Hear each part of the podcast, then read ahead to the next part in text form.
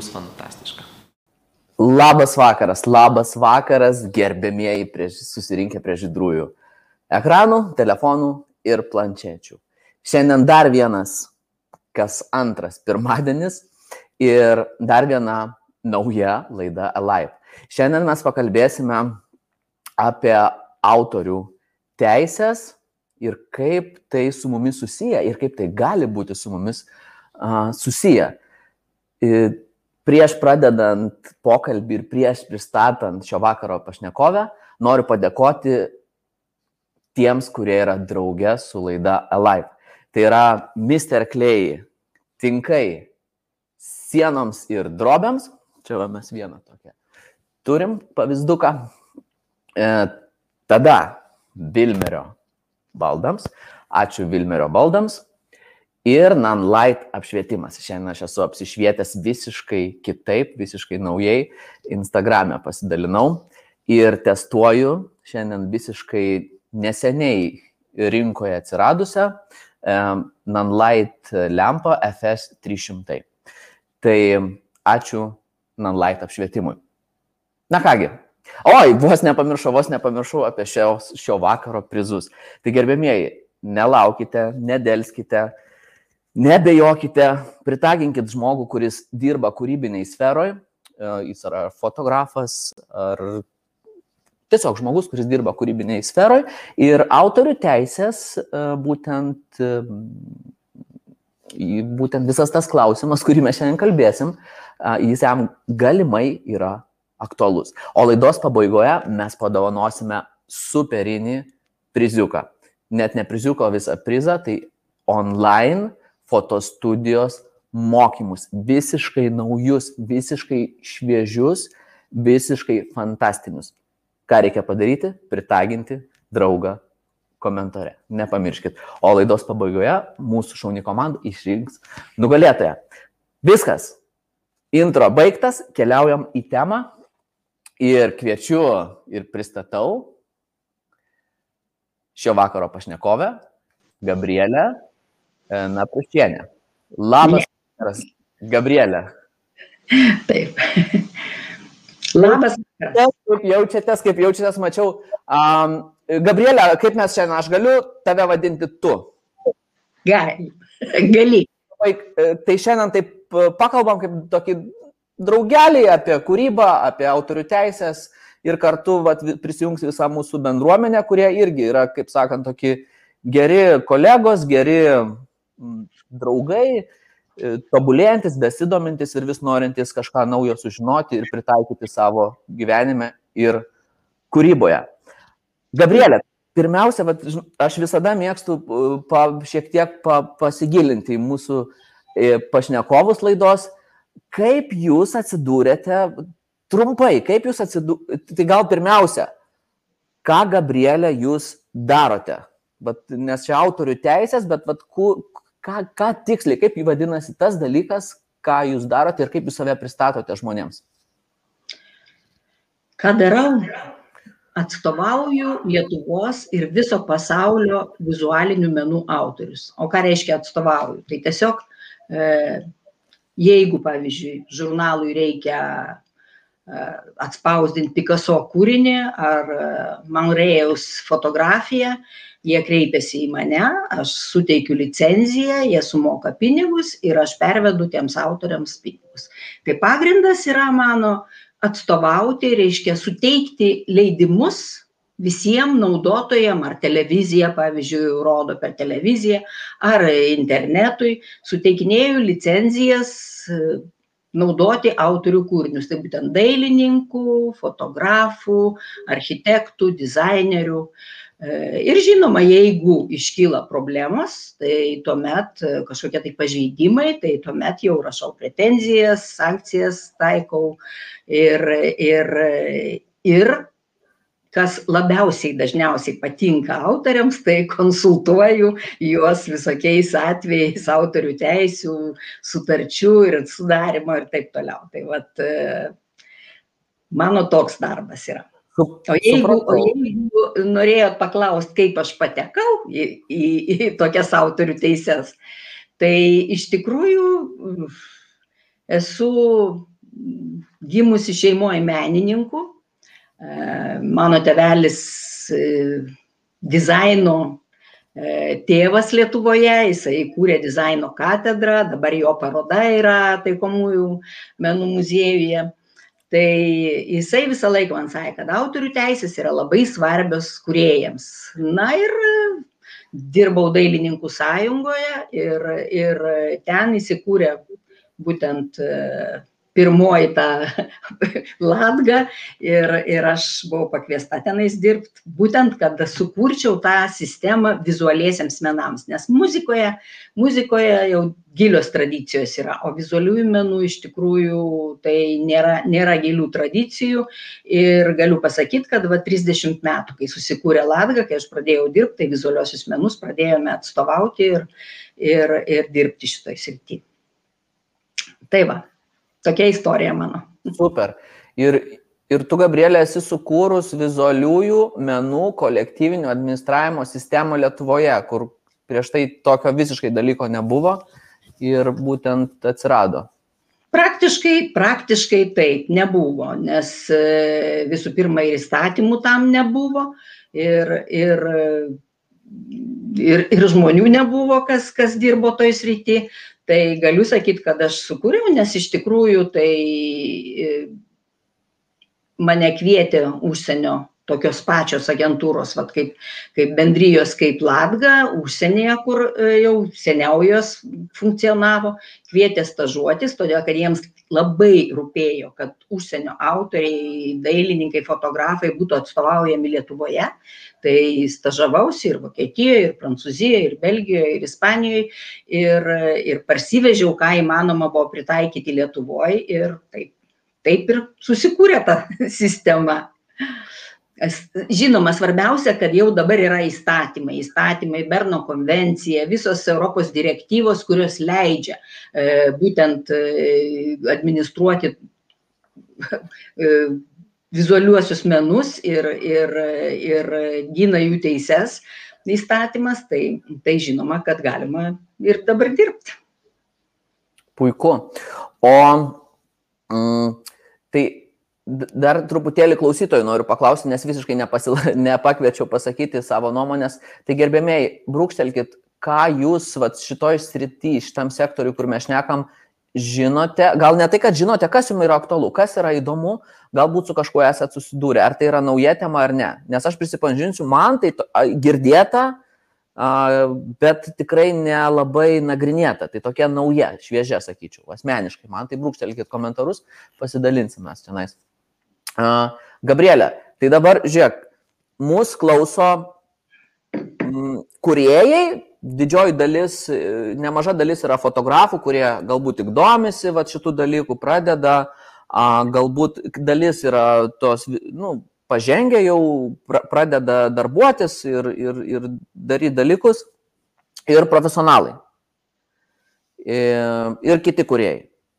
Tai va toks tiesiai šviesiai klausimas, kodėl kuriejui, tai yra fotografui, gal paimsiu, kad paprasčiau būtų, kodėl autorių teisės gali būti aktualios, kodėl jisai gali taip, vat, kodėl jam reiktų taip e, įsiklausyti, ką mes šiandien pasakosim.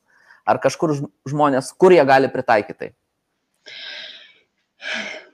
Autoriams, kuriejams tai yra būtina žinoti autorių teisės, nes e, jeigu autorius pats nežinos savo teisių, ką jisai gali, ką jisai gali uždrausti, ką jis gali leisti, ką jisai gali gauti už savo, už savo kūrinius, kokiais atvejais jisai gali naudoti kitų kūrinius.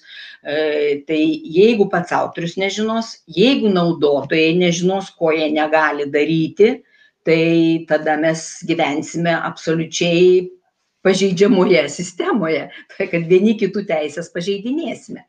Taip kad e, iš tikrųjų tai e, aš visą laiką sakydavau, kad jeigu norim, kad teisės nebūtų pažeidinėjamos, kad nebūtų pirataujama, tai pirmiausia turi būti švietimas ir bausmė tai vat švietimas ir autorių ir naudotojų ir visos visuomenės turi būt švietimas. Ir žinoma tiems kurie jau ne nepaiso tų autorių teisių tai turi būt bausmės už tai.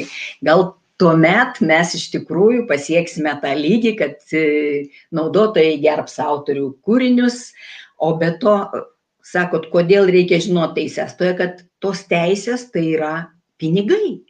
Tai yra tai, už ką autorius gali gyventi. E, todėl, todėl tai yra labai svarbu ir, ir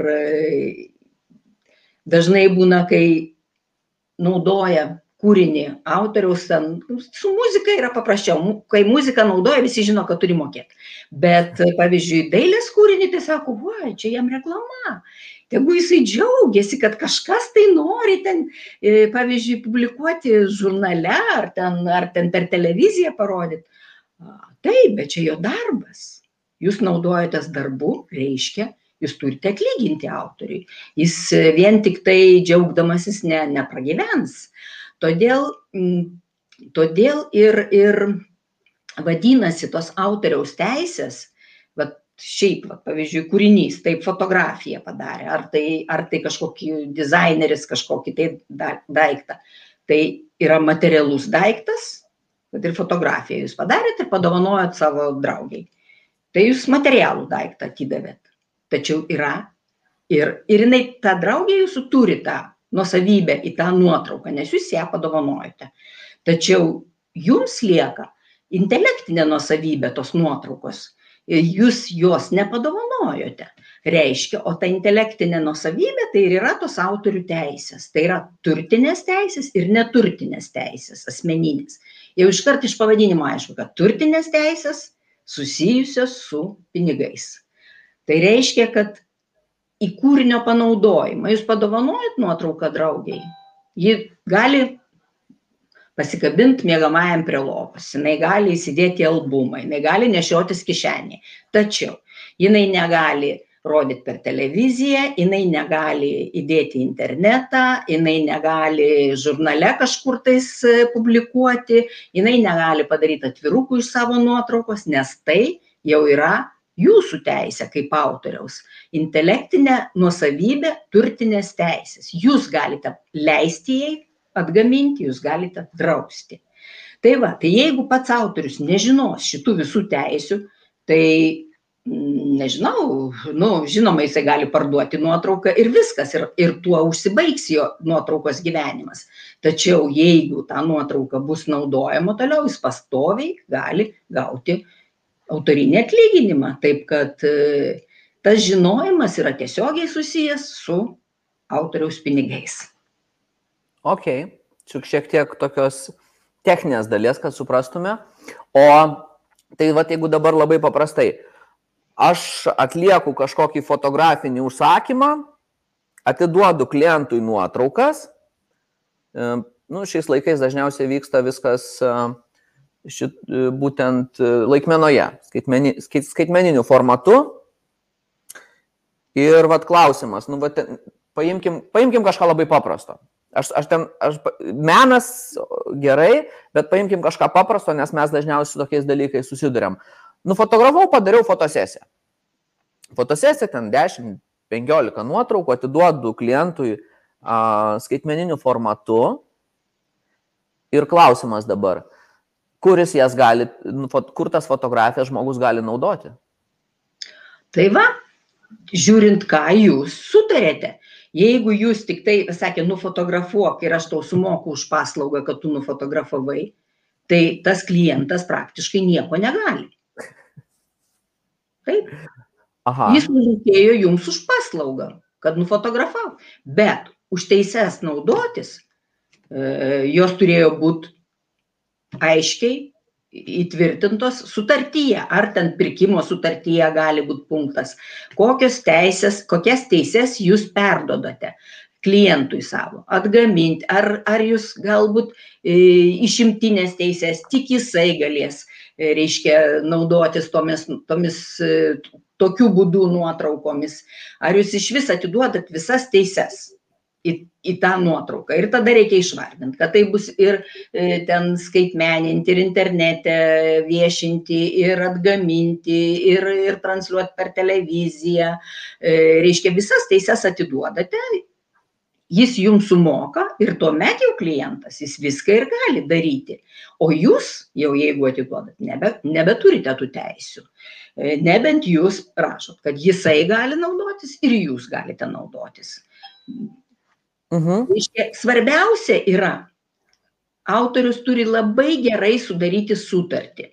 Ar tai, ar tai autorinė sutartis, ar kūrinio užsakymo sutartis, gali būti licencinė sutartis, tai reiškia tiesiog teisę panaudoti. Jūs, pavyzdžiui, turite e, pas save, ten, reiškia visą tą skaitmeninę, skaitmeninės nuotraukas, bet jūs tiesiog suteikėte teisę naudoti. Tai čia yra licencinė sutartis, ar išimtinė, ar neišimtinė, bet visa tai turi būti fiksuota būtinai raštu, nes įstatymas numato, kad žodžiu galima tik tai su periodiniais leidiniais e, tartis, nes periodinis leidinys kasdieną turi, reiškia, nau, naujai išeiti ir jeigu jis pradės e, pasirašinėti sutartis, e, derinti, tai, tai neišeitų tie laikraščiai, nei, nei spaudiniai. Tai vat, vienintelė reiškia sąlyga yra, kad, kad periodiniams leidiniams leidžiama yra žodinė visais kitais atvejais turi būti raštiška sutartis.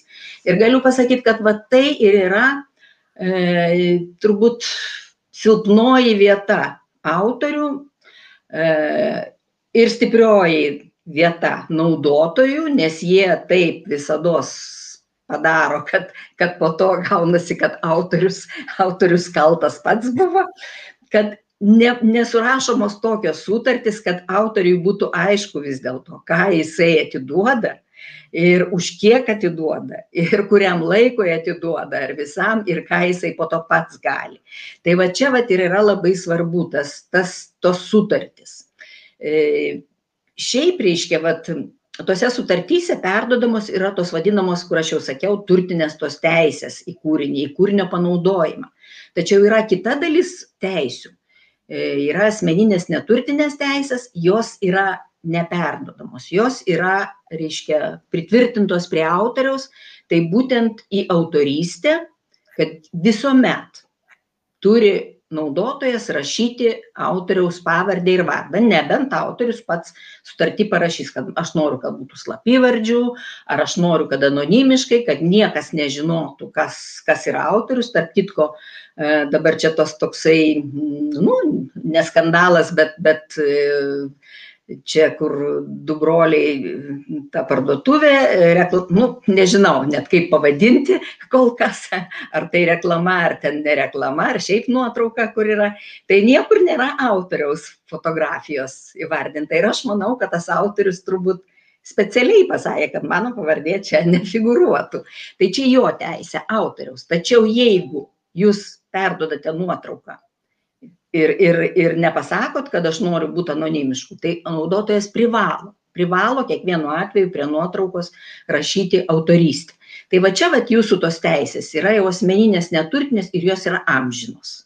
Jeigu tos turtinės teisės į kūrinio panaudojimą, jos galioja, kol jūs gyvas ir po jūsų mirties 70 metų, tai asmeninės neturtinės į autorystę ir į kūrinio neliečiamybę, kad niekas negali kūrinio pakeisti, tik tai jūs pats, e, jos galioja, galioja amžinai. Ir jeigu dabar, pavyzdžiui, Čiurlionis jau yra nebesaugomas turtinės teisės, jūs galite imti tą paveikslą, reprodukuoti ir ten išleisti kalendorių ir niekas nieko negali pasakyti, kad čia negalima ir niekam nereikia mokėti ir niekieno nereikia atsiklausti. Tai pavardę, kad tai yra čiurlionio kūrinys, tai jūs privalote, tai bus amžinai.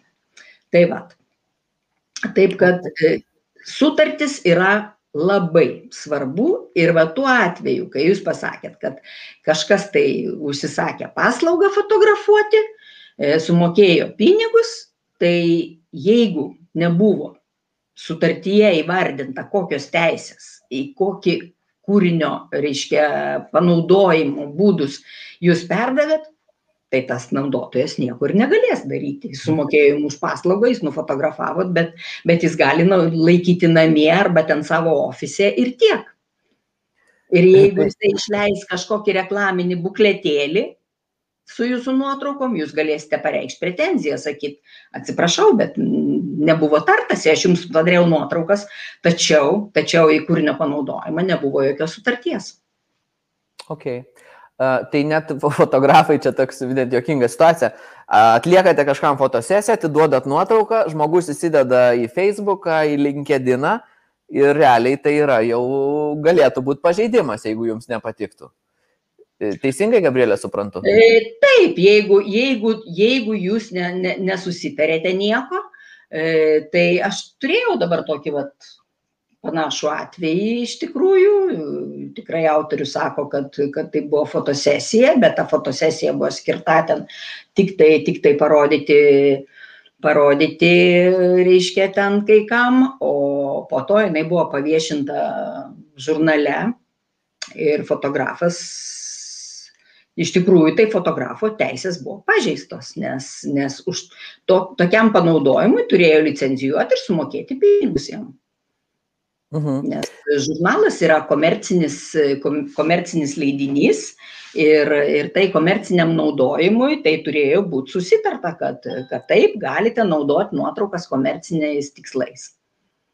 Ok, nes aš įsivaizduoju pakankamai toks, gali būti dažnas būdas, kai, kai žurnalas kreipiasi į kažkokį savo herojų, apie kurį rašo straipsnį ir sako, gal galima tavo, turi savo iš asmenio archyvo fotografijų. Ir tas žmogus tiesiog duoda. Tai, vad, pavyzdžiui, vat, nu, va, čia grinai šitą situaciją. Tai kieno atsakomybė yra mm, dėl, dėl nuotraukų naudojimo? Kas yra atsakingas? Ar žurnalas, ar tas žmogus, kuris duoda žurnalui be fotografo sutikimo?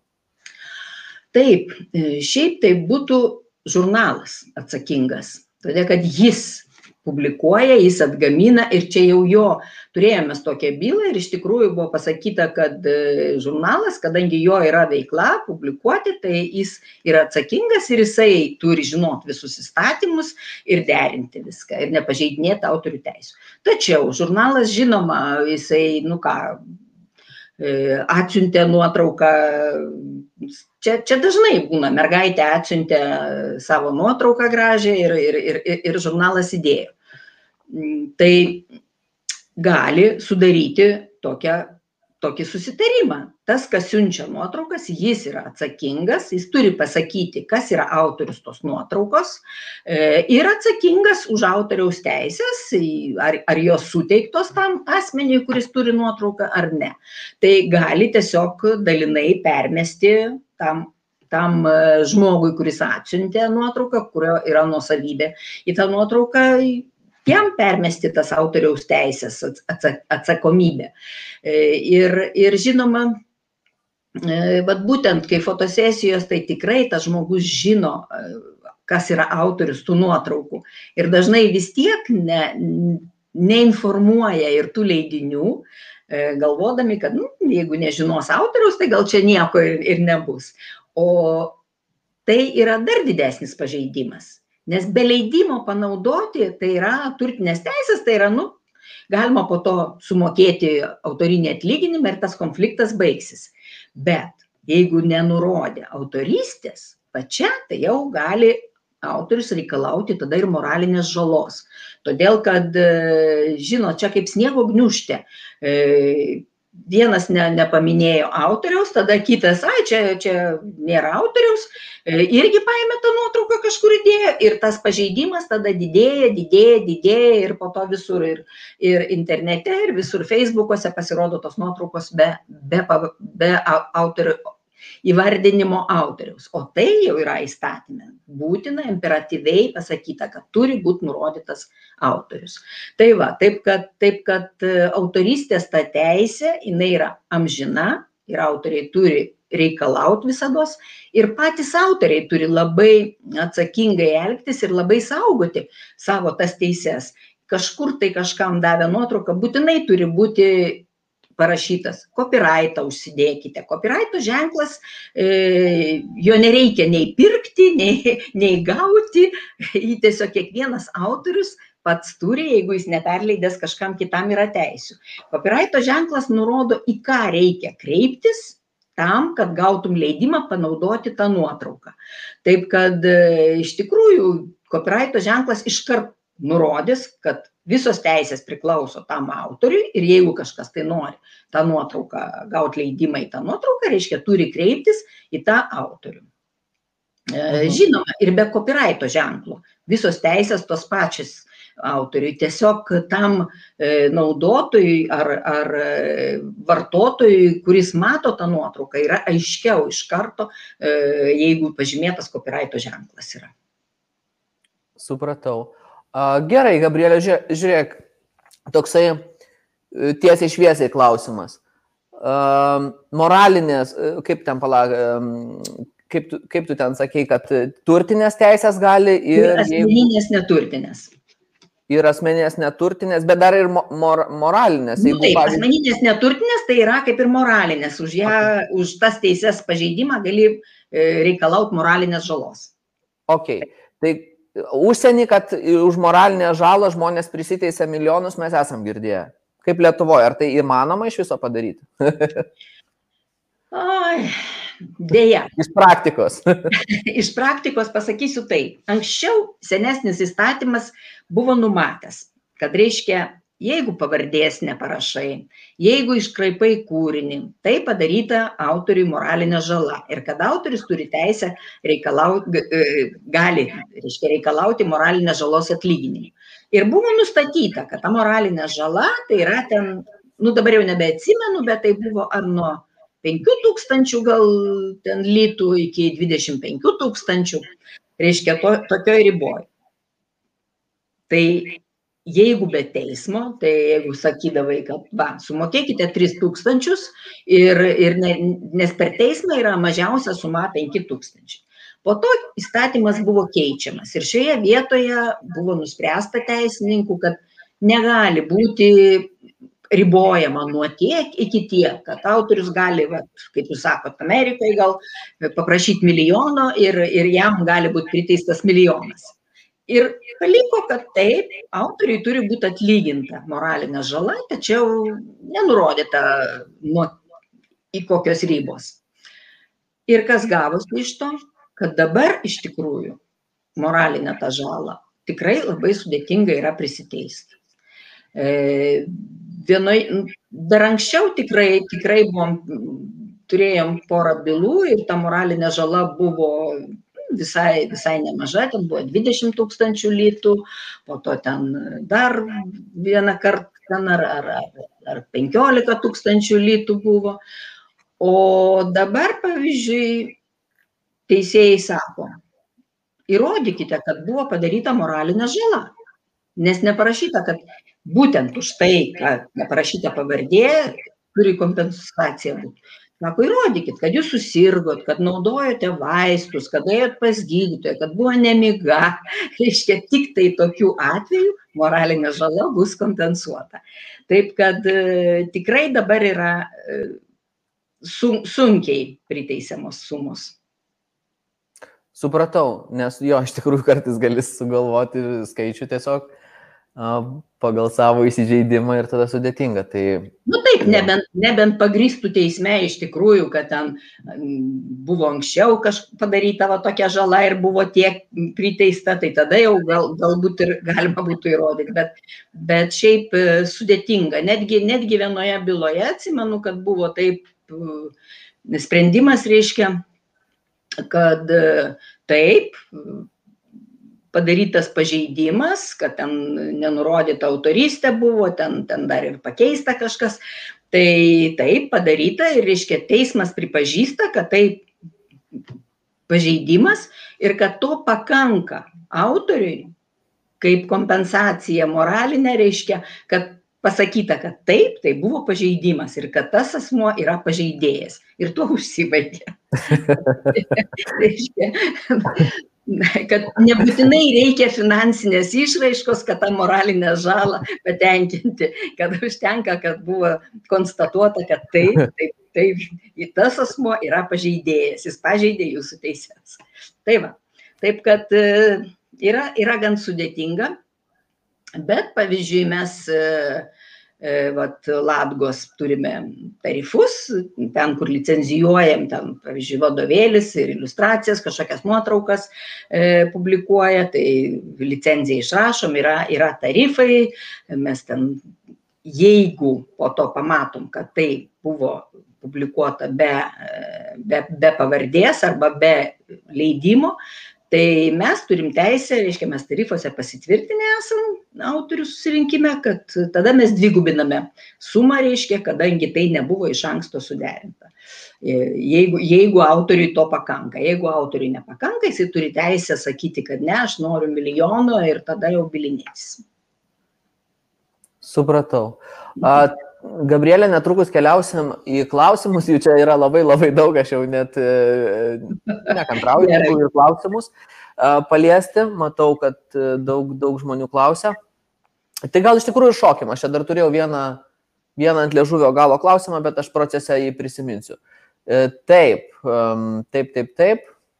Tai truputėlį į kitą pusę šokam ir Rokas mūsų klausė. Sveikas, Rokai domintų teisės fotografuoti viešose vietose.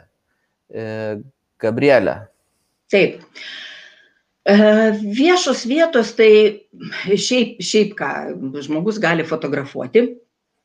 E, yra tik tai du dalykai. Tai yra asmens fotografavimas bet tai nėra autorinė teisė ir aš jau nebūsiu tokia labai kompetitinga, nes tai yra žmogaus teisė į savo atvaizdą. Tačiau e, ta žmogaus teisė, e, jeigu tai viešoj erdvėj nufotografuota, tai galima. Jeigu tos viešos erdvės beveik nesimatys, o jūs pritrauksit ir tiesiog tą vieną asmenį kažkokį, tai kaip portretą padarysit, tai tai jau turbūt nebe, nebebus tai, kad viešoji vietoje, nes vieša vieta ta, ta, taip ir yra, kad matosi ir, ir viešos erdvės, ir daug žmonių, ir tada, tada tokios nuotraukos yra galimos.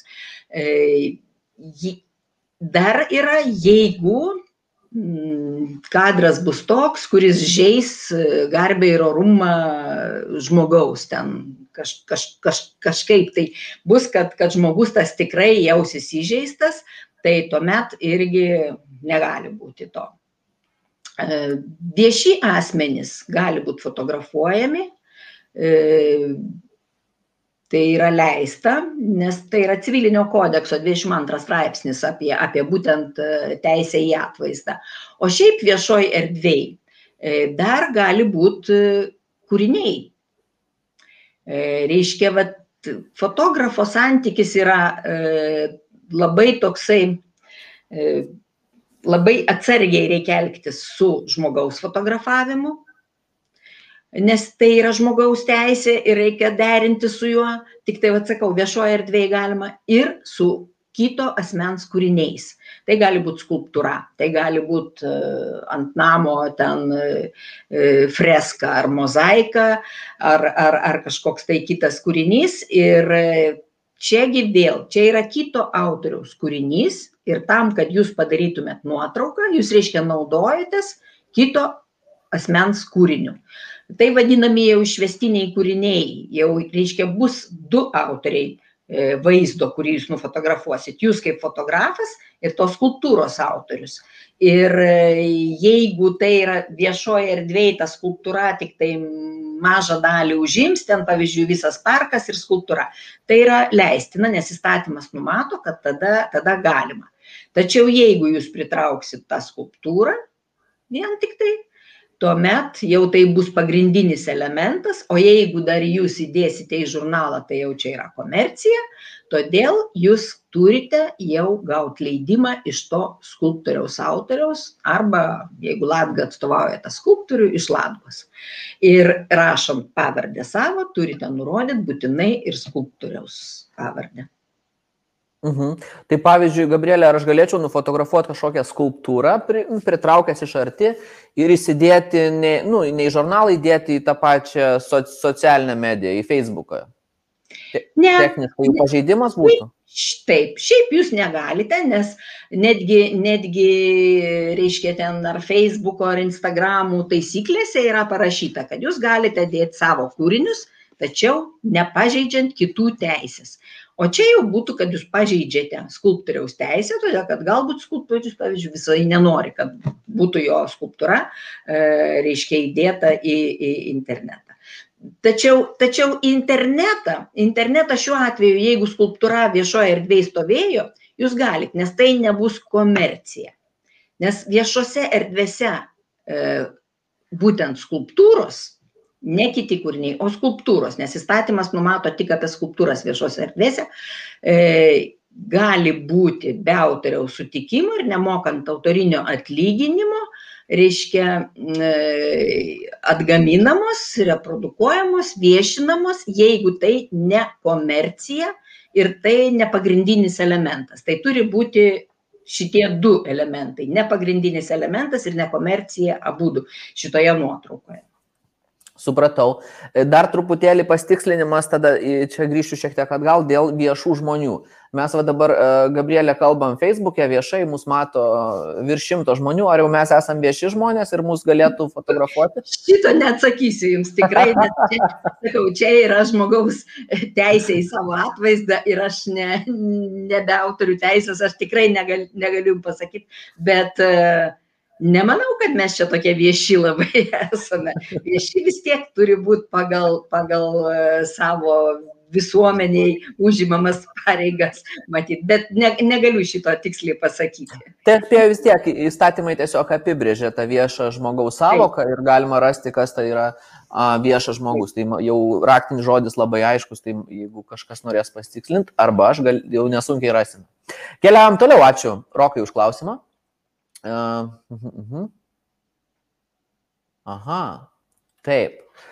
Fotografas Laimonas Ropė sako, kaip įteisinti savo kūrybą, kad nebūtų nemokamo kopijavimo. Įteisinti kūrybą. Šiaip įstatymas, e, ne, įstatymas nenumato jokios specialios registracijos kūrinių. Reiškia, kad pavyzdžiui sukūrėjai ir, ir kažkur tai fiksuota ir tai jau yra kūrinys. E, įstatymas numato, kad tu sukūrei kūrinį ir tu autorius, jeigu tai žinoma sukūrei kūrinį, nes pavyzdžiui fotografija gali būti ir ne kūrinys, nes kūriniui yra pasakyta, kad kūrinys tai yra trys kriterijai, kad tai būtų kūrinys - originalumas, kūrybinės veiklos rezultatas ir materiali forma. E, tai originalumas pavyzdžiui jeigu jūs pasui fotografuojate tai originalumo tikrai tenais nėra taip kad jūs ir nebūsite autorius ir ant šitos nuotraukos pasinės niekas ten nerašo kad ten e, Petraitis, Petras Petraitis šitą nuotrauką padarė. Taip kad e, tas originalumas arba pavyzdžiui e, fotografai, kurie fotografuoja dailės kūrinius, bet ten, nu, pavyzdžiui, tapybos darbą, turi reprodukciją padaryti. Tai jau irgi ne, nėra originalu, nes tu tiesiog turi padaryti tą nuotrauką identiškai kaip tas tapybos darbas, tačiau jeigu tu fotografuosi skulptūrą, jau tai yra šviesa, tai yra rakursas, tai kompozicija, tai, tai vėl kažkas tai tokio, kur jau, jau tavo nuotrauka, vienas padarys, kitas, trečias jau skirsis. Reiškia, tai jau, tai jau bus originalu tai mm, visi tie kūriniai, jeigu jūs sukūrėte kūrinius, reiškia įstatymas jūs gina. Nesvarbu, ar jūs būsite baigęs fotografijos mokslus, ar jūs nebūsite, ar jūs meno kurėjo statusą turit ar neturit, jūs esat autorius ir jūsų sukurti kūriniai yra kūriniai ir jūs naudojatės įstatymu, reiškia niekas neturi teisės jūsų kūrinių naudoti. E, dabar, mm, kad nebūtų kopijavimo nemokamo, tai paprasčiausiai, mm, aš nežinau, ką tai turi omeny, e, tas kopijavimas. Turbūt, kad, nu, kad paima nuotrauką, įdeda į, į, į žurnalą ir, ne, ir nesumoka. Tai tokie atvejai iš karto tas autorius turi kreiptis į tą žurnalą, reikalauti, rašyti pretenziją arba, arba būti Latgos nariu, tai tuomet jau aš rašysiu pretenziją, sakysiu, kad jūs pažeidėte e, Laimono teises ir, ir, ir prašom susimokėti, jeigu ne, mes paduosim į teismą. Taip kad, žinot, apsidrausti, kad niekas niekad nevoktų ir nekopijuotų, to neįmanoma turbūt. Mes žinom, kad kalėjimuose vagysčių pilna yra, bet vis tiek vagia automobilius, nors visi žino, kad to negalima. Todėl, todėl visuomet buvo piratavimas ir jis visada bus piratavimas, tai yra neteisėtas kūrinio naudojimas. Bet, kaip ir sakiau, kuo kuo daugiau tų teisių ir išsameu žinos pats autorius, kuo daugiau mes šviesim tuos naudotojus, tuo mažiau galbūt bus tų pažeidimų. O įteisinti tiesiog pats autorius visuomet savo nuotrauką kur nors, e, reiškia, viešindamas būtinai turi užrašyti savo pavardę, copyrighto ženklą dėti, gali dar prierašą parašyti, kad visos teisės saugomos, kad galite tik tai su mano leidimu. Nu tiesiog per daug nebus to parašymo, kad kiekvienas žinotų, kad taip, jis turi gauti leidimą. Ir sus... O tas leidimas yra kam? Tam, kad jūs sudarytumėte, nu, susirašytumėte sąlygas, už kiek jūs parduodat, ką jūs parduodat, kuriam laikui parduodate. E, galbūt jūs, jums duos tokią didelę sumą, kad jūs atiduosite tas teises visam laikui ir visas teises ir sakysit, man vis tiek apsimoka, geriau negu, negu ten po truputį rinkti. Taip kad labai gerai, kai, kai tiksliai žinoma yra data e, kūrinio sukūrimo, kad ir nuotraukos. Nu dabar žinoma, skaitmeninis e, tas fotografavimas, tai jisai ir fiksuoja viską. Anksčiau būdavo sudėtingiau su tais negatyvais, tai iš tikrųjų e, labai gerai kažkur tais paviešinti tą nuotrauką su pavardė, su data, kad jeigu po to iškyla problema, va, dažnai iškyla problema, sako, ne, čia ne jis autorius, čia aš esu autorius šitos nuotraukos. Tai kaip sprendžiamas šitas reikalas yra? Sprendžiama yra, kurio data yra ankstesnė sukūrimo. Reiškia, kaip tu gali įrodyti, kad jau tada, jau aš buvau sukūręs, va, jau buvo viešai demonstruota su mano pavardė. Reiškia, tas kitas žmogus turės įrodyti, kad dar anksčiau jisai viešino. Tai taip, kad labai svarbu yra kad būtų paviešinta ta nuotrauka su data ir tada, tada va, irgi tai yra įrodymas. Supratau, ačiū uh, Laimonai, ačiū Gabrielė. Uh, keliauju toliau. Čia gal mes truputėlį jau esam palėtę šitą klausimą. Amiglė mūsų klausė, sako, ar klientas įsigijęs paslaugą, šiuo atveju produkto fotografijas, turi visas į jas teisės, sutartis nėra pasirašinėjama, nuotraukos kaip ir parduodamos, bet ar jis už jas sumokėdamas įgauna į jas visas teisės? Ačiū iš anksto. Ačiū, Myglė. Tai ne, neįgauna. Teisės. Neįgauna. Neįgauna, nes įstatymas numato, kad teisės, kad turtinės teisės į kūrinį perdodamas sutartimi. E, reiškia, jeigu tai ir bus paslaugos pirkimas, ten kažkoks tai pasirašytas, tai gali būti ir tame pirkime įrašyta, kokias teises tu suteiki klientui. Jeigu niekur nėra apie teisės, jis nusipirko paslaugą, jis turi tas pačias nuotraukas, bet apie jų naudojimą e, nebuvo kalbos, todėl jis neturi tų teisių. Ok. Tai aš dabar tik galvoju, kad tas toks labai subtilus kartais klausimas būna, e, tai pabandysiu ištranšiuoti, kad jeigu, va, tokia pas mane irgi va, baimė, aš galvoju, kad fotografai ir galbūt turi tokią, jeigu jie dabar paims sutartį ir nurodys, kad nuotraukas galit naudoti, nu, okei, okay, paimkim pro, uh, įmonę, ne, kuri nori nusifotografuoti produktus, va, kaip myglės atveju, ir tada sakysim, jūs, tei, jūs nuotraukas galite naudoti nu čia tikriausiai taip ir techniškai reiktų, kad galite naudoti socialiniams tinklams, kaip Facebookas, Instagramas, e, websitas. Ir tada, ir sakykim, tiek nurodyti. Ir, bet, bet, bet tada užsakovas sakytų, nu tai mes dar norim naudoti e, reklamos tikslais, ten kur nors e, posterį mieste pasikabinti, norim į žurnalą įsidėti, tai sakys, Tiesiog prirašyk man šituos ir, ir, ir viskas. Tai vad e, klausimas tos pačios kainos, nes e, tikriausiai mes įpratę nu, kad teisės priklauso mums, fotografai, aš manau, žino, bet į, mes esam pripratę duoti klientui naudotis, kuris be panorėtų.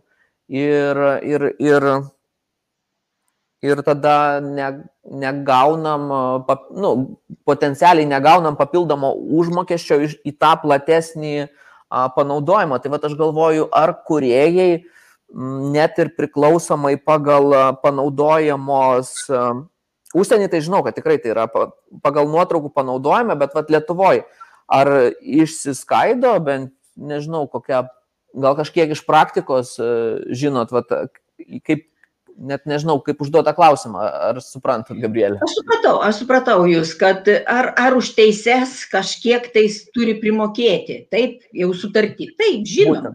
E, taip, bet tas sutarties sudarimas turbūt ir, ir, ir, ir jūs turite sudaryti sutartį ir sakyti, taip, už mano paslaugą ir pavyzdžiui, už socialinius ten tinklus, kad jūs įdėsite šitas nuotraukas, va, toksai autorinis atlyginimas. Toliau, jeigu jūs norite naudoti reklamai, arba jūs tada kiekvienu atveju va, darysite posterius, turėsite vėl su manim sudarinėti sutartį ir sumokėti už tai, arba galima iš karto įtraukt šitas teises, bet jūs turite ten ar ten trečdalių, ar ten kiek ten, ne, nežinau, aš ne, negaliu pasakyti kainų, bet jau čia pagal, pagal tai, žinoma, jūs turite spręsti ir ar jums, kai nebe, ne pirmas kartas tos paslaugos atlikimas, tai jeigu klientas labai iškart gerą sumą siūlo jums, tai jums tikrai galbūt apsimoka e, ir, ir jūs sako, taip, aš įtraukiu ir tas, ir tas, ir tas teises, galbūt palikti ten kažkokią tai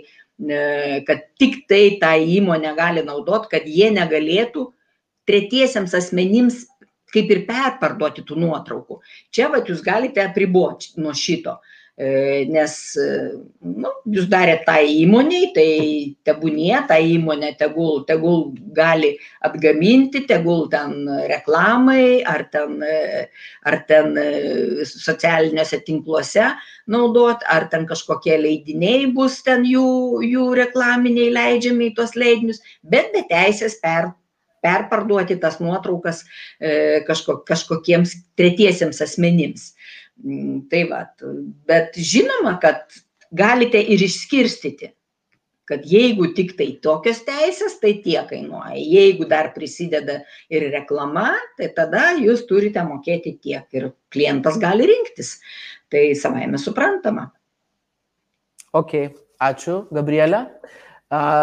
Žiūrovams dar priminimas, gerbėmieji, besiklausydami, beužduodami klausimus, galite ir, ir manau, turite pritaginti savo draugę komentare, nes pačios laidos pabaigoje mes padovanosim online fotostudijos mokymus. Labai šviežius, labai gerus, labai fainus, va tokius.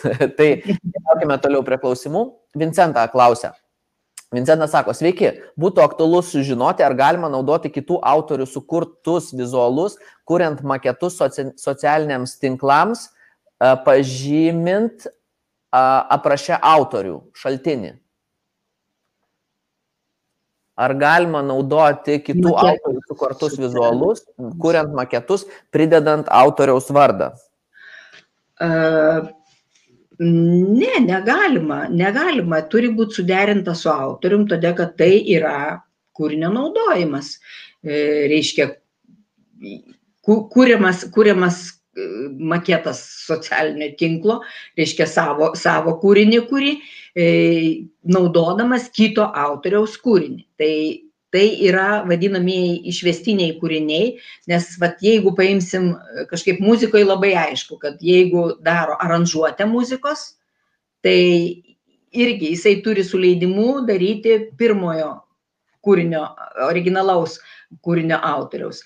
Ir kai honoraras yra dalinamas, tai dalinamas yra ir originalaus kūrinio autoriui, ir aranžuotojui dalinami pinigai, tai, nes tai yra dviejų autorių kūryba. Lygiai taip pat ir čia turėtų, turėtų susitarti, galbūt autorius sakys, taip, prašau, imkite, man, man liuks, aš labai noriu, kad jūs panaudotumėte ir man nieko daugiau nereikia. Gali būti, nes čia autoriaus pinigai, čia autoriaus teisė o kitas pasakys, man nepatinka jūsų ten tas socialinis tinklas ir aš visiškai nenoriu jame, kad mano kūrinys būtų.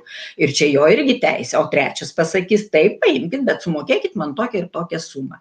Taip kad čia yra autoriaus teisė gauti atlyginimą už bet kokį kūrinio panaudojimo būdą.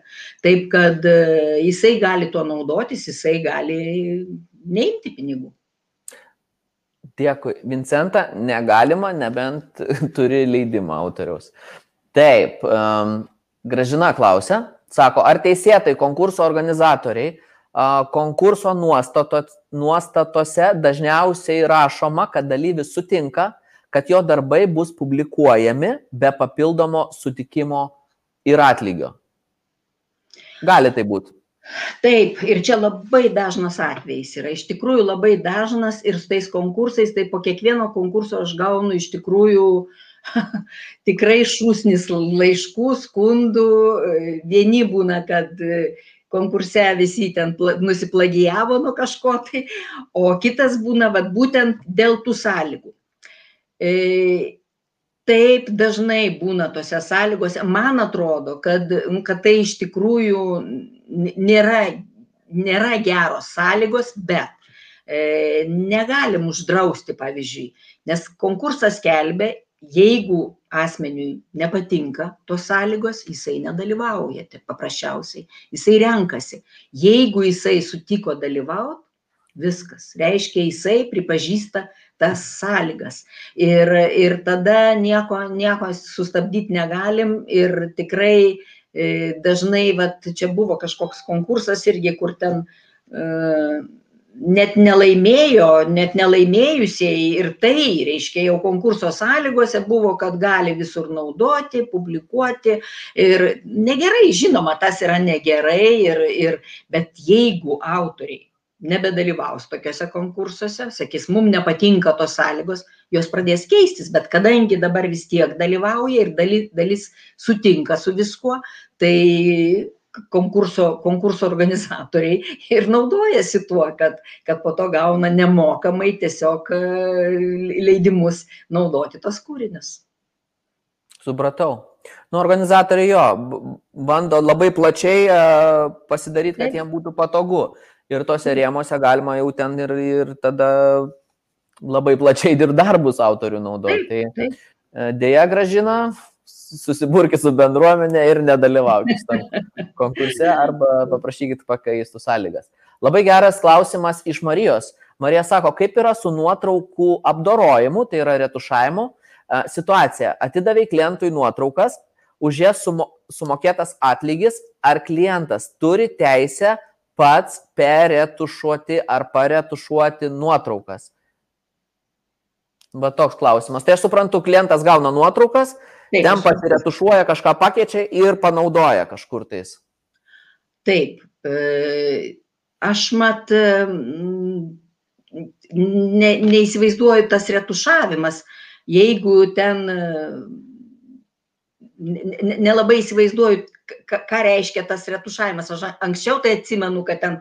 Kuodus nuėmė savo, pavyzdžiui. Uždėjo spalvinį filtrą.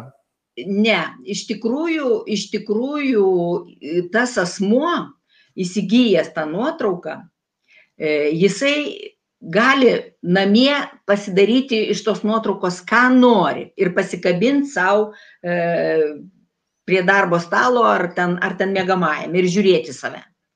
Tačiau viešinti pakeisto kūrinio jis jau nebeturi teisės. Nebent, nebent jisai būtų pasirašęs tokią sutartį su fotografu, kur fotografas būtų leidęs jam e, perdarinėti nuotrauką bet kokiu būdu ten ir taip toliau. Jeigu šito nėra, tai jokiais būdais negali jisai keisti nuotraukos. Jeigu tas retušavimas e, tiesiog ten taškelio uždėjimas, tai, tai galbūt ne, bet jeigu jau E, dvi nuotraukas sulyginus matai, kad tai yra skirtumas, tai tikrai negali, jisai negali nei viešinti, nei, nei transliuoti, nei kad kas nors matytų jau pakeistą tą nuotrauką negali. Ačiū, Gabrielė. Ir ačiū Marija. Labai geras klausimas. Esu tikras, nemažai fotografų yra va, su šitų dalykų susidūrę. Tai tiesiog. Taip, ir aš dar pridėsiu, uh mhm. -huh. ir aš dar pridėsiu, e, reiškia, vat, kaip mes šnekėjome apie asmeninės tas neturtinės teises į autorystę, kad visuomet reikia, kad būtų nurodytas autorius ir į kūrinio neliečiamybę. Tai va čia vat ir yra, kad pavyzdžiui, e, fotografas gali užprotestuoti, jeigu jo nuotrauka bus iškadruota kitaip. Todėl, kad e, jeigu, pavyzdžiui, mes ten žavimės sutkaus fotografijomis, ir visi sako, o čia genijus, genijus, o kažkas tai iškadravęs įdės į, į žurnalą iškadruotą ir sakys, nu koks čia genijus, nei čia kompozicijos geros, nei nieko. Todėl jokiais būdais negali e, kadruoti ten ar, ar ten kažkokį išimti gabaliuką, elementą ir keisti šį čia jokiais būdais. Čia yra kūrinio neliečiamybės teisė ir vat, būtent tai vat, gali būti moralinė žala autoriui. Supratome. Toliau keliaukime. Asta klausė, jau mes truputėlį kalbėjom, bet jinai čia praplečia. Paminklų fotografavimas istorinių pastatų tik savo nekomerciniam reikmėm. Tai aš teisingai suprantu, tai galima. Taip, žinoma, jeigu tai yra nekomercija, savo, tai fotografuokit ir, ir kūrinius, ir, ir, ir tai asmeninės tikslais. Ir vat, noriu pasakyti, kad pavyzdžiui, menininkai, autoriai, ten dailininkai ir skulptoriai ir tie patys fotografai turi teisę gauti, e, reiškia, kompensacinį atlyginimą už e, būtent įstatymę apribotas jų teises, būtent asmeninį atgaminimą. Jeigu jūs įdedat ten savo nuotrauką, pavyzdžiui, ten kažkur internete, kiti pasijima savo, užsiseivina savo kompiuteriuose, nes jam labai patiko, arba ten dailės kūrinį kažkokį tai, reiškia, irgi užsiseivino, tai jūs savo asmeniškai naudojate. Šiaip įstatymas sako, niekas negali naudoti be autoriaus leidimo ir nesumokėjęs jam atlyginimo. Tačiau įstatymas numato, kad asmeniniam naudojimui apribotos autoriaus teisės ir jūs negalite paprieštarauti, ne, aš tau neleidžiu, ten, kad tu paimtum mano nuotrauką ir pas save kompiuteryje laikytum, arba, pavyzdžiui, ten žurnale pamačiau ten gerą, gerą kadrą ir aš e, nusifotografavau telefonę laikau, reiškia, tam tą nuotrauką jūs nepaklausit autoriaus autorius jums negali uždraust tačiau įstatymas numato kad tai turi būti kompensuota autoriui. Ir todėl kai jūs perkate foto da ne fotoaparatą tai ne kai jūs perkate telefoną kai jūs perkate kompiuterį kai jūs perkate usb jungtį jūs sumokate truputėlį daugiau ir ten būna tokia įrašyta už autoriaus teises. Reiškia šitie pinigėliai yra surenkami visi ir va dalis ateina į latgą tų pinigų ir tada fotografams, jeigu tu, tu esi latgos narys, reiškia, aš žiūriu, aha, tavo nuotraukas rodė per televiziją, tavo nuotraukos buvo internete, tavo nuotraukos buvo žurnale knygoje. Tai tada, reiškia, kažkas tai galėjo ir savo asmeniškai, reiškia, kopijuoti šitas, šitas nuotraukas.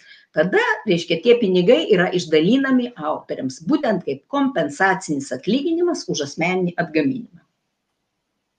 Supratau. Drąsiai galite savo asmeniškai e, kopijuoti, nes tai yra atlyginama autoriams. Dėkui, Asta, už klausimą. E, dar vienas klausimas. Labas vakaras. E, papasakokit, prašau, apie autorinės teisės fotografuojant žmogų, ar fotografas turėtų pasirašyti sutartį, norėdamas publikuoti modelio nuotraukas, ar užtenka žodinio susitarimo. Nu, čia yra kalba eina apie būtinai pasirašyti reikia. Todėl, kad, kaip sakiau, žodiniai susitarimai, tai yra, jūs žodiškai pasakėt, galiu, gali, gali, jisai pasakė gerai, gerai, o po to ateina, ateina į institucijas ir teismuose bilinėjasi, tada, kad sako, aš tau sakiau gali, bet tik tai gali šitą padaryti, o aš supratau, kad kitą galima padaryti. Taip, kad iš tikrųjų tik tai raštiškas susitarimas turi būti, kad tas modelis, e, jūs jam sumokėjote ir kad jis sutinka, kad tos nuotraukos būtų visur, reiškia, publikuojamos ar reklamai, ar komerciniams tikslams, ar nekomerciniams, būtinai turi būti pasirašyta. Supratau, ačiū. Ir toks vienas dar klausimas. Vat Gabrielė, mes dabar kalbamės su tavim. ar ir visas mūsų įrašas yra viešas. Ir jisai liks viešas. Ir mes, nu, prisipažinsiu žiūrovams, mes nepasirašėme jokios sutarties. Ar čia viskas yra legalu, ar jeigu va, tu kitą dieną sakytum, nu, nepatiko man su Tomu kalbėti, čia daug klausimų visokių uždavė, ar, ar, ar, ar būtų problemų man tada? E, nu, su manim nebus problemų, aš, aš leidžiu, bet, bet šiaip, vat, jūs turėjote prieš laidą šitą perspėti, pasakyti, kad tai bus įrašyta ir tai bus pastoviai viešinama, kad tai nebus vienkartinis. Reiškia, tokie dalykai turėtų būti aptarti jau iš anksto, nes, nu, vis, visaip yra, nes iš tikrųjų, pavyzdžiui, būna, būna mm, konferencijos, būna seminarai kažkokie tais ir dar net ne, ne nuotoliniai, o, o, o tokie kaip anksčiau būdavo, tai ir, ir filmuoja, ir, ir tai visada prieš, prieš tos seminarus būna pasakyta, kad mūsų tinklapyje bus visas tas seminaras dedamas ir pastoviai viešinamas, tai turi būti susitarimas, žinoma. Super, tai va aš ir turėsiu iš karto kur pasitobulintą, ne? Net jau nebereikalo. ir, pavyzdžiui, ir pavyzdžiui, tai aš kaip prieš, prieš šitą, šitą laidą, kai kalbėjome su jumis, sakau, norėčiau parodyti, reiškia, paveiksliukus. Tai ten būtent būčiau kūrinius rodžiusi, bet va, tai čia jau vėlgi būtų, reiškia, aš galėčiau rodyti tuos kūrinius, kurių jau teisės nebesaugomos, reiškia, senųjų menininkų, arba, arba jau su tais, su kuriais aš esu sutarusi, kad jie man leidžia e, rodyti. Tai, tai kitų atveju jau negalėčiau viešinti, todėl kad, todėl kad e, tai jau pažeiščiau aš jau teises autorių. Supratau. Aš čia vat ieškau vieno klausimo, prašau kažkur, vienas klausytojas klausė, sako, o gal, sako, turit kažkokių sutarčių formų kur nors? Toks tiesiai išviesiai klausimas dabar nerandu, bet, bet iš tikrųjų, vat, pavyzdžiui, ar, ar čia su teisininkais konsultuotis reiktų dėl sutarčių? Reiktų, reiktų su teisininkais, nes šiaip, šiaip reiškia, e, e, Latgos nariai, e, žinoma, e, tai mes, mes nekonsultuojam, jeigu tai nėra mūsų nariai arba tai nėra naudotojai mūsų, nes tai nu, tiesiog, tiesiog neįeina į mūsų, į mūsų pareigas. E, tai mes savo nariams tai paruošiam ir sutartis, ir, ir, ir kartais atneša, ne kartais, o kaip, vos ne kiekvieną dieną atsiunčia sutartį, kad va, man naudotojas siūlo tokią pasirašyti. Visuomet peržiūriu, ištaisau, pasakau, kurioje vietoje jam autoriui nenaudinga yra, e, kurioje vietoje naudinga, ar kažką tai įrašyti, ar kažko tai apsidrausti, ar, ar dar kažkokias sąlygas įrašyti. Tai šitą aš tikrai darau, konsultuoju, padedu, bet tik tai mūsų Latgos nariams, tie, kurie pasirašo su mumis sutartis ir kuriuos mes atstovaujame. Nes e, šiaip mes esam ne, e, nepelno siekianti organizacija, mes ne biudžetinė, mums niekas iš biudžeto nemoka, mes tik tai vat, iš, iš tų autorinių atlyginimų, ką reiškia, surenkame, savo pasiliekam komisinius, tai mes tik atstovaujam savo autorius ir tik tai jiems tokią paslaugą darome. E, supratau. E, tai vad gal net e, va, toks trumpas, kam, kam, kam vertėtų įstoti jūsų organizaciją? Vat, kokio, kas jūsų yra klientas? Jeigu paim, paimkim tą pačią fotografiją, kas galėtų būti vat, jūsų tas Latgos narys? Latgos narys tas, kuris kūrė ir kurio kūriniai yra iš tikrųjų naudojami. Jeigu tai yra, vat, e, kaip aš įsivaizduoju, kažkokia tai studija, gal kaip jūs, aš nelabai, nelabai žinau, ką, ką jūs darote, bet, bet reiškia, kur yra užsakovas, jūs ten jiem padarote kažkokį tai produktą, tai to, tokiais atvejais nėra naudinga. E, bet pavyzdžiui, ir, ir, ir ponas Antanas Sutkus, ir Rakauskas, ir Macijauskas, ir Kunčius, ir, ir, ir jauni e, fotografai sporto, visi yra Latgos nariai, todėl kad e, jiems tai yra naudinga, nes e, visų pirma, leidiniai kažkokie tai būna. Tai leidiniams ieškoti pavyzdžiui, enciklopedija leidžiama buvo. Ir dabar jinai suskaitmeninta yra. Irgi. Tai įsivaizduokite, kiek ten yra kūrinių, reprodukcijų, fotografijų. Jeigu jiems reikėtų su kiekvienu pasirašinėti, tai čia yra siaubas. Tai jie atsiunčia sąrašus, atsiunčia kūrinius, aš suteikiu licenciją, ten tūkstančių kūrinių, ar tai, ar tai kažkiek tais. Ir tada jau žiūriu, kad viskas būtų, kad pavardė būtų, kad kūrinys tvarkingai būtų panaudotas, išrašom sąskaitas, gauna autorinį atlyginimą, aš jiems išmoku ir, ir jiems tai naudinga ir tuo pačiu mes esam tarptautinė organizacija, mes priklausom pasauliniai konfederacijai SIZAK Paryžiuje ir reiškia, kuri vienyje vis, vis, viso pasaulio va, tokias autorių bendryjas kaip Labda.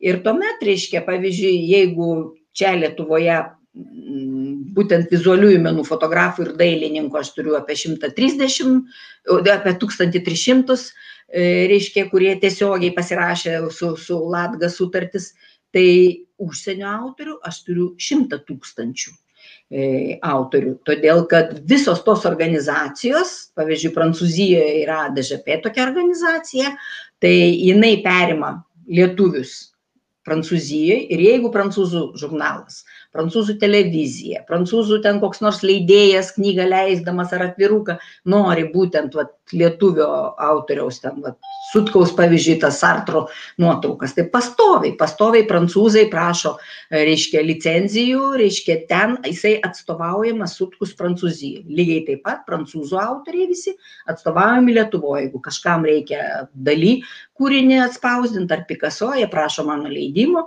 todėl kad aš juos atstovauju Lietuvoje. Tai reiškia autoriui, fotografui, kurio, kuris tikrai daug nuotraukų daro, jam yra labai naudinga, todėl kad labai plačiai gali naudoti. Jį surasti ten prancūzijos laikraštis, ten, nu, žinot, sunkiai ieškos ar ką, o jie iš karto kreipiasi į organizaciją tą vietinę, gauna leidimus, naudoja ir siunčia pinigus. Taip kad tiem, kas kūrė ir, ir, ir, ir jų kūriniai yra naudojami, tai iš tikrųjų yra naudinga. E, o šiaip, aišku, galbūt jeigu pats autorius labai gerai, geras vadybininkas ir administratorius ir jisai pats reklamuoja save ir jisai gali su visais susisiekti, bet daugeliui tai gaišima, gaišinimas laiko ir todėl, todėl jie noriai labai stoja į labdą. Super.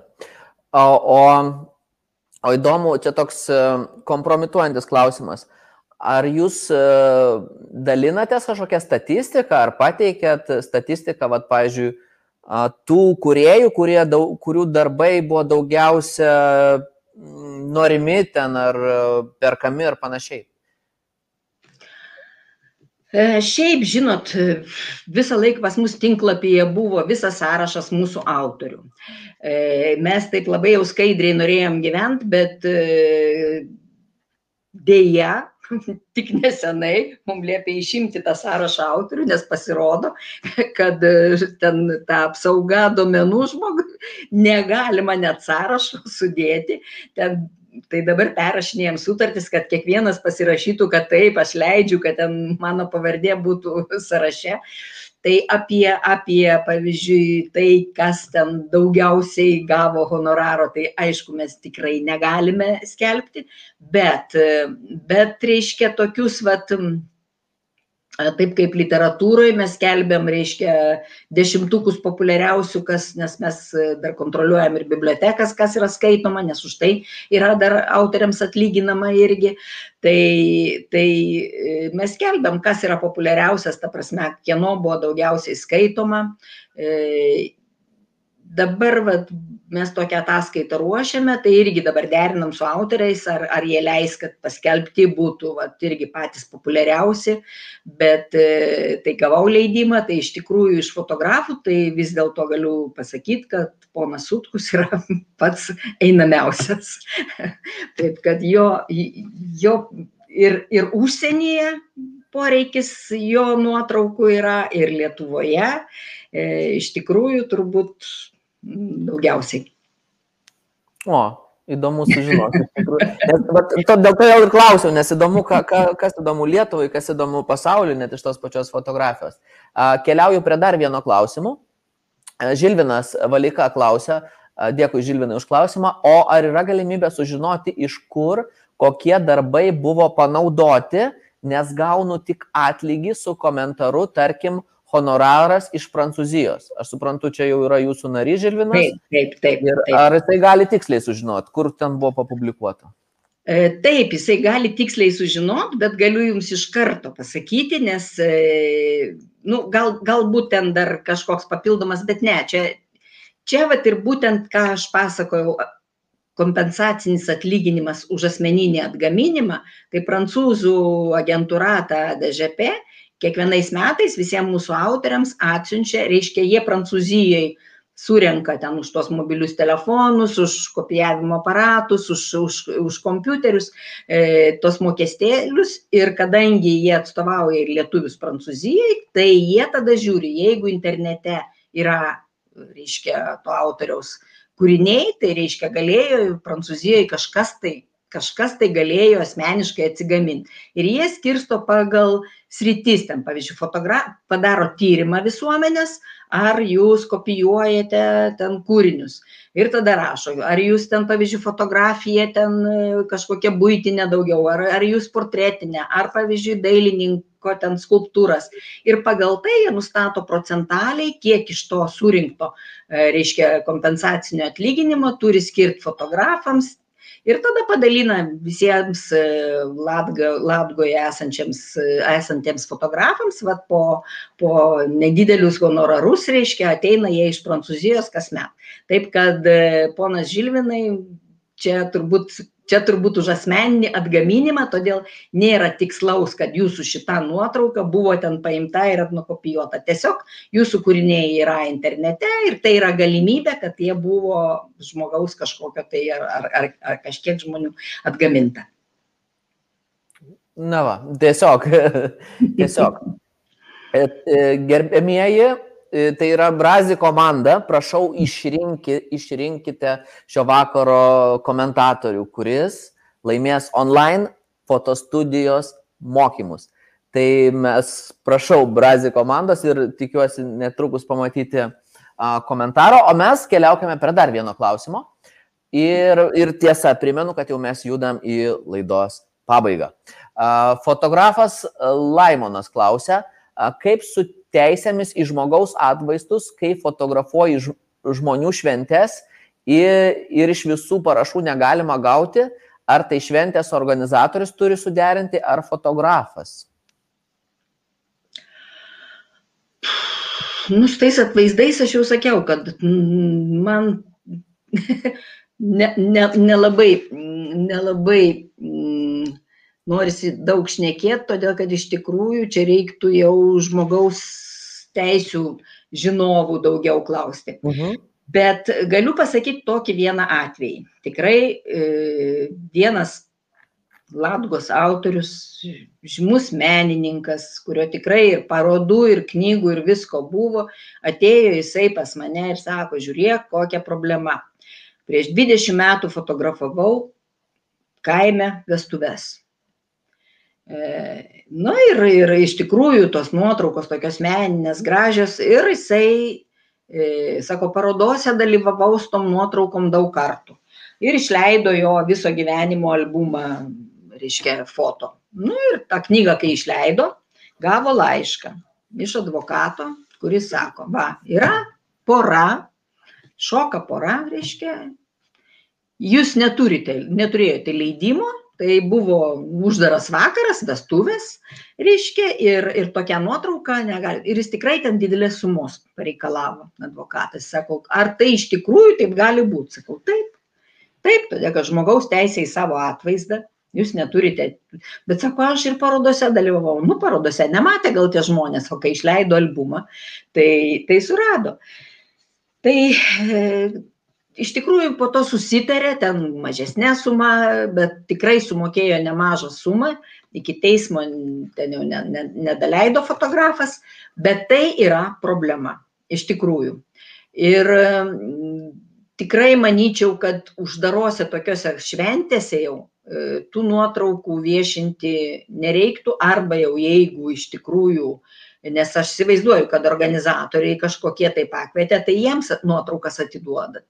Tai tas jau fotografas ne, neturėtų naudotų nuotraukų matyti, o jeigu jau naudot, tai jau tada, tada nežinau, jeigu, jeigu organizatorius e, nori, kad tai būtų viešinamos tos nuotraukos, tai tuomet tas organizatorius turėtų suderinti su tais asmenimis. O jeigu, o jeigu tas organizatorius savo nuotraukas tas ėmė, bet fotografas po to nori kažkur tai jas paviešinti, tai tada, žinoma, fotografas turėtų suderinti su tais asmenimis, kuriuos, kuriuos ten jisai nori paviešinti. Gintarė irgi iš panašios serijos, bet tokį labai konkretesnį klausimą. Nu, apie vieną žmogų sako, ar aš turiu teisę publikuoti klientų portretus savo darbų galerijoje be papildomų leidimų iš kliento? Ar klientas gali uždrausti publikuoti portretus pas save portfolio, kurios, kuriuos jiems sukūriu? Kad fotografas negali savo galerijoje publikuoti, tai faktas. O čia kita dalis aš nelabai supratau, ar, e, ar čia... klientas gali, ai, ar, ar klientas gali uždrausti. Taip, klientas gali uždrausti. Todėl, va, fotografuojant tą asmenį ir reikia suderinti. Kad reiškia, geriausia yra, va taip kaip sakau, žmogų fotografuojant arba kūrinį fotografuojant, kad arba tas žmogus, kurį fotografuojate, reiškia, e, ir fotografas susiderintų, kad pavyzdžiui, ir vienas, ir kitas gali naudoti tas nuotraukas, aš leidžiu jums visur naudoti, o jūs leiskit man naudoti. Kad būtų toks abipusis susitarimas. Lygiai taip pat ir kai kūrinį fotografuoja kažkokį tai meno. Irgi su tuo dailininku, pavyzdžiui, nes turim atveju, dailininkas atneša, va, mano, čia tai sakau, bet tai kokias fotografas, nu tai na, man fotografavo, bet nesvarbu, sakau, fotografas irgi dabar yra kaip bendraautoriai to, to vaizdo. Todėl turi irgi susitarti ir su, ir su tuo dailininku ar ten skulptorium, kad ir tu gali naudoti, ir aš galiu naudoti, bet tai turi būti pasirašyta. Mhm. Jo, nes kartais būna fotografai vestuvių sutartyje irgi nurodo, kad, teis, kad, kad klientas suteikia teisės naudoti pristatant kaip savo darbą. Ir Ir jeigu šito punkto nėra, tai fotografas neturi teisės taip, publikuoti fotografijų. Jisai turi autoristės teisės. Taip, bet, bet negali pats. Taip, bet neturi turtinių teisių į tą, į tą kūrinį. Todėl kad, todėl, kad, ne, turtinės teisės jisai turi, bet asme, asmenys turi į save tą teisę ir todėl gaunasi, kad abiejų turi būti leidimai vienas kitam. Puiku. Ir štai, štai, štai, štai, iš karto pasidalinu nugalėtojo vardu, Brazi komanda rašo, Brazi Fotoskul sako, sveikiname Reda Šetkutę laimėjus online fotostudijos mokymus. Reda Šetkutę, sveikinu Brūkštelkį Brazi Fotoskul, pažadu bus labai gerai. um, taip, ir Marius, paskutinis klausimas. Marius sako, Ar galima dalyvauti foto konkursuose ir naudoti nuotraukas kliento nesuderinus ir neinformavus? Kokia tvarka? Mm, aš suprantu, Marius fotografuoja klientų ir tada nori tas nuotraukas, su tom nuotrauko dalyvauti konkurse. Mariau? Mm -mm. Čia, čia vėlgi, čia žiūrint, ką jisai tam klientui perdavė. Jeigu jisai perdavė visas teisės klientui, tai jis neturi teisės E, žiūrint, kokios to kliento nuotraukos, jeigu vėl ten bus asmenys, jisai negali.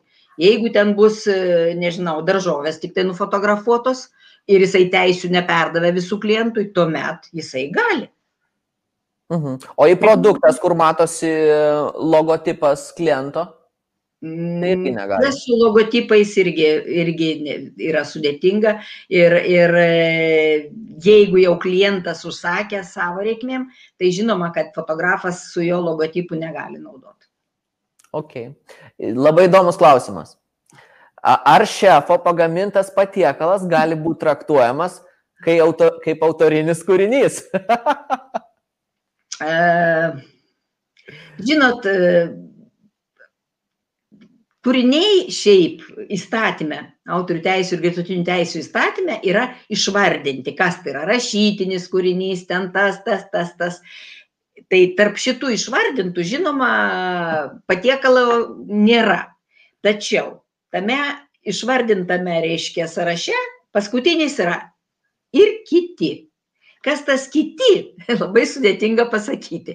Tačiau e, šiaip šefo pagamintas patiekalas, nu, dar, dar pas mane nei vieno tokio autoriaus netėjo, neužsiregistravo, nors, nors tikrai ir tatuiruočių meistrai atėję buvo ir nu, tikrai labai, labai įvairūs autoriai dabar.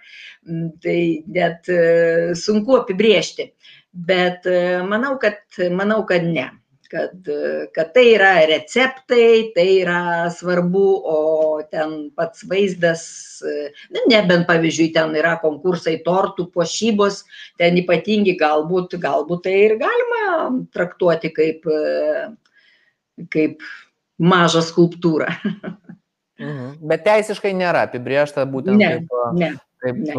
patiekalo. Ir dar vienas įdomus klausimas. Žilvinas klausė, sako, jei dailininkas jau miręs, o aš turiu jo kūrinius, ar galiu fotografuoti ir naudoti tuos kūrinius, norėdamas juos parduoti. Jeigu tas autorius yra miręs ir praėjo po jo mirties 70 metų, taip, galite. Galite fotografuoti ir parduoti, tačiau visur turite nurodyti, kas yra autorius tų, tų kūrinių. E, bet jeigu nepraėjo dar 70 metų po jo mirties, jūs negalite. E, jūs turite susirasti paveldėtojus, nes autoriaus teisės yra arba paveldimos, arba testamentų užrašomos, arba sutartimi atiduodamos kažkam. Taip kad, e, taip kad jūs turite ieškoti, kas yra teisų turėtojas. Supratau. Ačiū, Gabrielė. Gabrielė, dar klausimai čia plaukia ir plaukia ir plaukia, bet viskas, šis vakaras, šio vakaro diskusija yra visiškoje pabaigoje. Gerbėmieji, brūkštelkit, kaip jums patiko, ar įdomu buvo, ar, ar, ar, ar aktuali tema. Ir, kaip sakant, parašykit. O, o paskutinio palinkėjimo paprašysiu iš Gabrielės. Gabrielė, ką norėtum palinkėti Lietuvos kuriejams, ar galbūt ne Lietuvos kuriejas kažkam kitam? Norėčiau palinkėti, kad Lietuvos kuriejai labai gerbtų savo kūrybą, patys save ir gerbtų kitų kūrybą. Todėl, kad kaip nekeista, labai daug pažeidimų daro patys kuriejai, naudodami kitų autorių kūrinius. Tai gerbkime, gerbkime vieni kitus ir aš manau, kad Lietuva bus ta šalis, kuri susitvarkys su pažeidimais ir jų nebeliks. Super, labai geras palinkėjimas apie pagarbą savo ir apie kitam. Ir atvirkščiai. Ir aš, Gabrielė, pasidalinsiu mūsų klausytojų komentarais, vat, kad um, užbaigt gražiai. Um, tai Pauli, pa, Paulina sako, labai įdomu, ačiū. Um, Vidman, Vidmantė sako, ačiū už įdomią ir naudingą informaciją. Buvo įdomu. Uh, taip, Marius sako, ačiū labai patiko geras vakaras ir daug info. Laura sako, ačiū labai daug vertingos informacijos. Edita dėkoja, Irinėjas sako, super, aktualu, ačiū. Simona Benetytė, labas Simona, ačiū Gabrielė ir Tomai. Čia gal net reiktų seminaro šitą temą. Pagyvensim, Simonai, ir pamatysim, kodėlgi ne. Ir Gražina sako, labai naudingas pokalbis, dėkui Gabrielė, na, Prušienė. Tai ačiū. Beje, jinai, jinai mano giminaitė. O, nu va. Taip, va kaip smagu, nors, nors tokiu, tokiu būdu susitikom. Ir dar, ir dar, Gabrielė, gal keliolika komentarų. Mm, o, ir Miglės gal geras visai komentaras, sako, ačiū, tikiuosi, kuo daugiau fotografų gins savo teisę į savo darbus, ne tik meno kūrinius, bet ir reklaminės fotosesijas. Taip. Super, Miglė. Super, Miglė. Ir, ir dar kartą, uh, ačiū, Gabrielė. Prašau. Uh, atsisveikinu, atsisveikinu primindamas, kad su mumis kartu kūrė laidas Nanlight apšvietimas, Vilmerio baldai ir Mr. Clay tinkai sienoms ir drobėms. Susimatome lygiai už dviejų savaičių pirmadienį 20 val. 0 minučių.